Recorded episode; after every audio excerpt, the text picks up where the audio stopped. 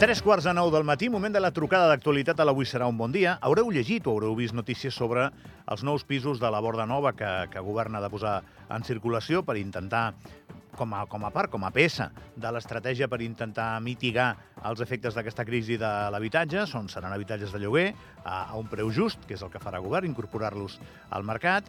I això ho haureu llegit perquè van ser declaracions de la ministra Marsol realitzades en un acte que van organitzar conjuntament una entitat de l'òrbita liberal de Catalunya i Liberals Andorra, que portava temps Liberals Andorra, més o menys fent feina, però feina que no es veia. Parlem amb la seva presidenta, Cristina Rico, perquè m'anuncia, ara us anunciarà a vosaltres, que els anirem veient, que actes com aquests s'aniran repetint perquè la voluntat, i és lògic que sigui així, d'aquest partit polític és que, que anem veient doncs, que les seves idees i els seus valors també han d'estar i formar part de, de la conversa política. Cristina, bon dia. Hola, bon dia. Com Què anem? tal? Què tal? Molt bé, molt bé, gràcies. I vosaltres? Doncs pues bé, també, eh, fent, fent ràdio. Vostè a punt de marxar, que sé que, que se'n va de viatge, m'ha dit. Sí, sí. Anem ràpid, però tenim temps fins a les, fins a les 9. És una Sí. mica això que deia, no? Cristina, la, la idea és, no sé si amb un acte d'aquest format o d'aquest estil, però que anem veient que a la conversa política liberals hi és cada vegada més. Sí, nosaltres eh, volíem eh, doncs una mica propiciar aquest espai de reflexió per parlar de les temàtiques que ens preocupen a tots, des d'un eh, diàleg eh, moderat i constructiu i bueno, vam començar amb el tema de l'habita- de l'habitatge perquè creiem que és segurament doncs, eh, el que més preocupa o a la major part de la població d'Andorra, i, però tenim pendents eh, d'altres col·laboracions amb l'Institut Ostrom. Molt bé. Eh, com per exemple, Doncs eh, dintre de sis setmanes, encara tenim, la data ens balla una mica, farem una altra taula rodona eh, que es titularà Andorra, país d'oportunitats, amb interrogant. És cert que Andorra sempre ha sigut tra- tradicionalment un país d'oportunitats, però ara volem analitzar realment eh, com està el nostre entorn, com està la nostra situació i com de, de, s'ajuda a que hi hagin aquestes oportunitats per emprenedors, per, per nous empresaris que vulguin muntar doncs, la seva empresa. Parlarem també de la inversió estrangera, des del punt de vista liberal, doncs, eh, com, com, com es valora i com s'analitza i com s'hauria d'orientar la inversió estrangera i bé, jo crec que serà també una taula molt, molt interessant. el que no va ser va ser un acte eh, liberal, eh, em refereixo, ho organitzen vostès, però vostè va portar la ministra, va portar l'Institut de l'Habitatge, hi havia els promotors, hi havia també eh, les immobiliàries, em refereixo que, ara no recordo si em deixo algú, eh, Cristina, però en tot cas que era un acte com si l'hagués muntat un mitjà de comunicació. Era per fer una radiografia, no? Sí, nosaltres realment aquesta, aquesta acció que hem començat, que és eh, aquesta col·laboració amb el think tank, amb l'Institut Ostrom, es basa en la reflexió, com, com he dit abans, en fer un anàlisi i quan tu vols fer un anàlisi doncs has d'in- ha- has d'intentar que estiguin tots els sectors implicats. No?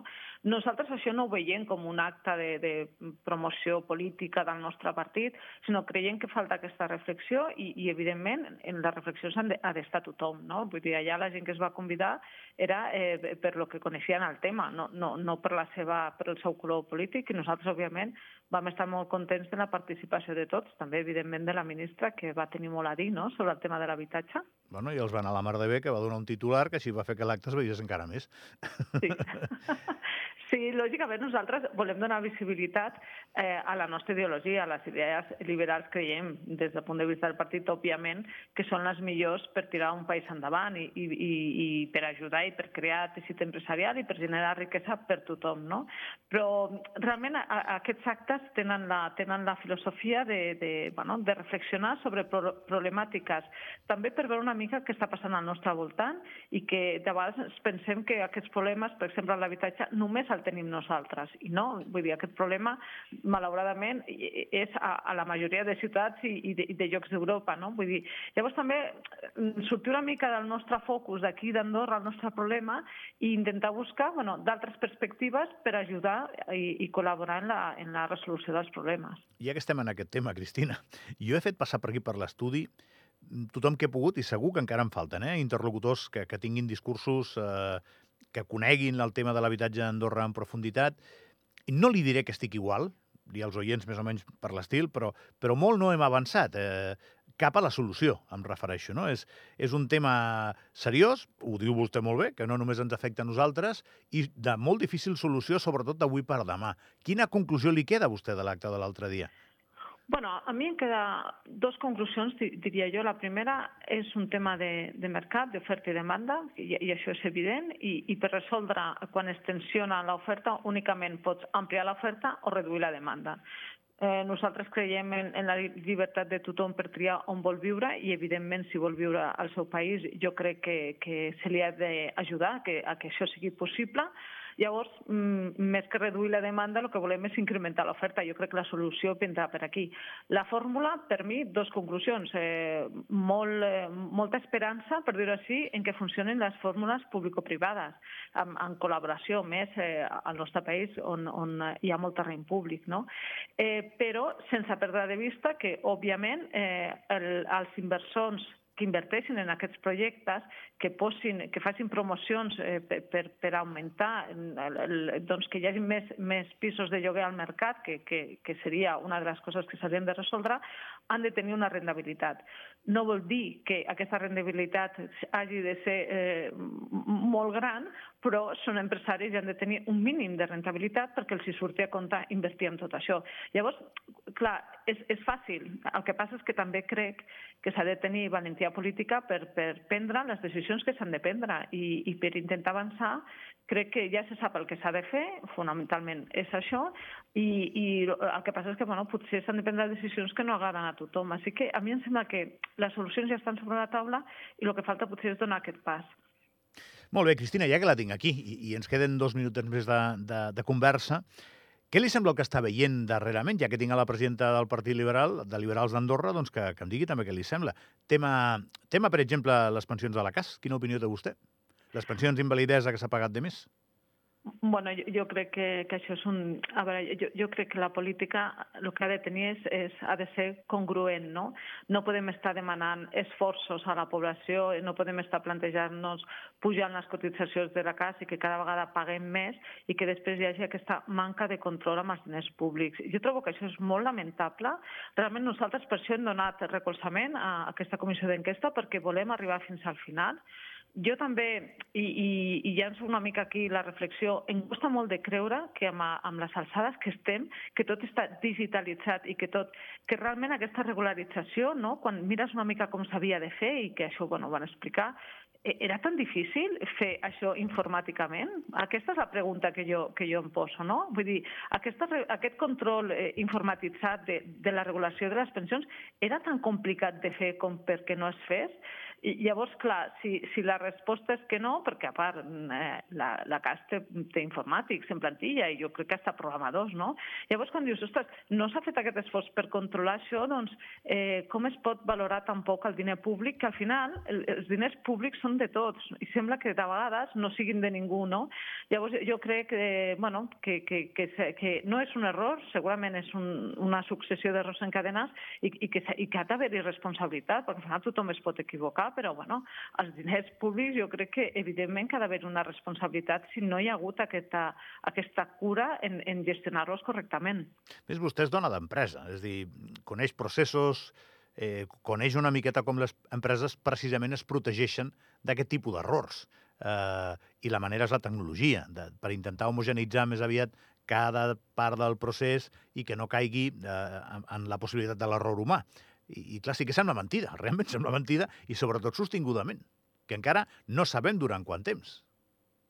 Totalment, no? I això és quan, quan preguntem, no? Com, com es va preguntar, i diu, no, no, és que el procés és manual. Què vol dir que el procés és manual? Perquè jo entenc que els registres no es porten amb un llibre de registres de comptabilitat com portaven els nostres padrins, no? Tot està en digital. Llavors, és tan difícil fer un Excel que són dos sumes i una resta? Eh, bueno, esperem eh, eh, arribar a entendre, a mi el que m'agradaria és arribar a entendre què és el que ha passat, perquè des de fora realment es fa molt, molt difícil, i més la situació que estem visquent, on, on realment bueno, eh, estem, manquen els recursos i, i manquen els diners per fer moltes coses que, que s'hagin llençat d'aquesta manera, realment eh, és molt sorprenent. Bé, jo, jo m'imagino que aquí hi haurà una investigació, m'imagino no, hi haurà una investigació, arribarem a unes conclusions, però aquí la confiança sí que queda compromesa. Això, jo, això, és, això sí que és una batalla que no és fàcil de recuperar. Eh? Ara mateix fa una estona m'ho deia la meva companya. I, I per què no pot haver errors en totes les pensions? Vull dir, la gent ho pot pensar, això també, no? No en aquestes que van més localitzades, sinó en el gruix de les pensions. Ja sé que no han sortit, eh? però la gent ho pot pensar. Ho sap vostè igual que jo, Mm. Cristina. Sí, bueno, i després també tots hem tingut aquesta experiència, potser ara amb la digitalització precisament no tant, però quan tu posaves una fulla groga no? i havies de posar ja el, el còdic de barres amb, amb, amb l'escotx i després et ficaven la data de la, no? la farmàcia i tal, i resulta que s'havien equivocat d'un cèntim i no t'ho pagaven, ja estaven parlant d'un euro i mig. I clar, una, una factura així, un, una fulla groga física que l'han de recollir, que l'han de portar, que l'han de validar, té, un procés molt laboriós i que això sí que no poden fer les màquines i ho fan les persones i ho feien per un euro, per tres, per 0,50 cèntims, no? Com és que no s'han regularitzat aquestes pensions? Que ningú se li va ocórrer pensar quina era la dimensió d'aquests diners que, se, que potser s'estaven pagant de més i després, bueno, hi ha més interrogants perquè ella diu, no, la gent, les persones que cobren una pensió fora d'Andorra, doncs aquesta pensió s'ha de restar. Per exemple, no? aquesta és una altra pregunta. Com es fa per saber que les persones estan cobrant una pensió fora d'Andorra? Quin és el procediment que defineix aqu- aquest, aquest protocol? No? Clar, hi ha molts interrogants. Hi ha molts interrogants perquè al final, si, si una altra administració, si un altre sistema sanitari t'informa de que aquella persona està cobrant doncs, una, un, una prima en, no sé, a Portugal, a Espanya, a França, i, la, i, les, i les de retallar, però, home, després de tants anys hauria d'haver un protocol per demanar aquesta informació, no? Com es demana? I si no és possible això, que jo, bueno, potser no és possible, perquè la llei t'obliga a fer-lo, no? Vull dir, hi ha moltes, moltes preguntes, molts interrogants que de veritat que, que espero i desitjo que tinguin una resposta lògica, encara que ho veig una mica complicat per ara. Cristina Rico, presidenta de Liberals d'Andorra, gràcies per atendre la trucada d'actualitat de l'Avui serà un bon dia. Moltes gràcies a vosaltres. Gràcies, que vagi que bé. vagi molt bé.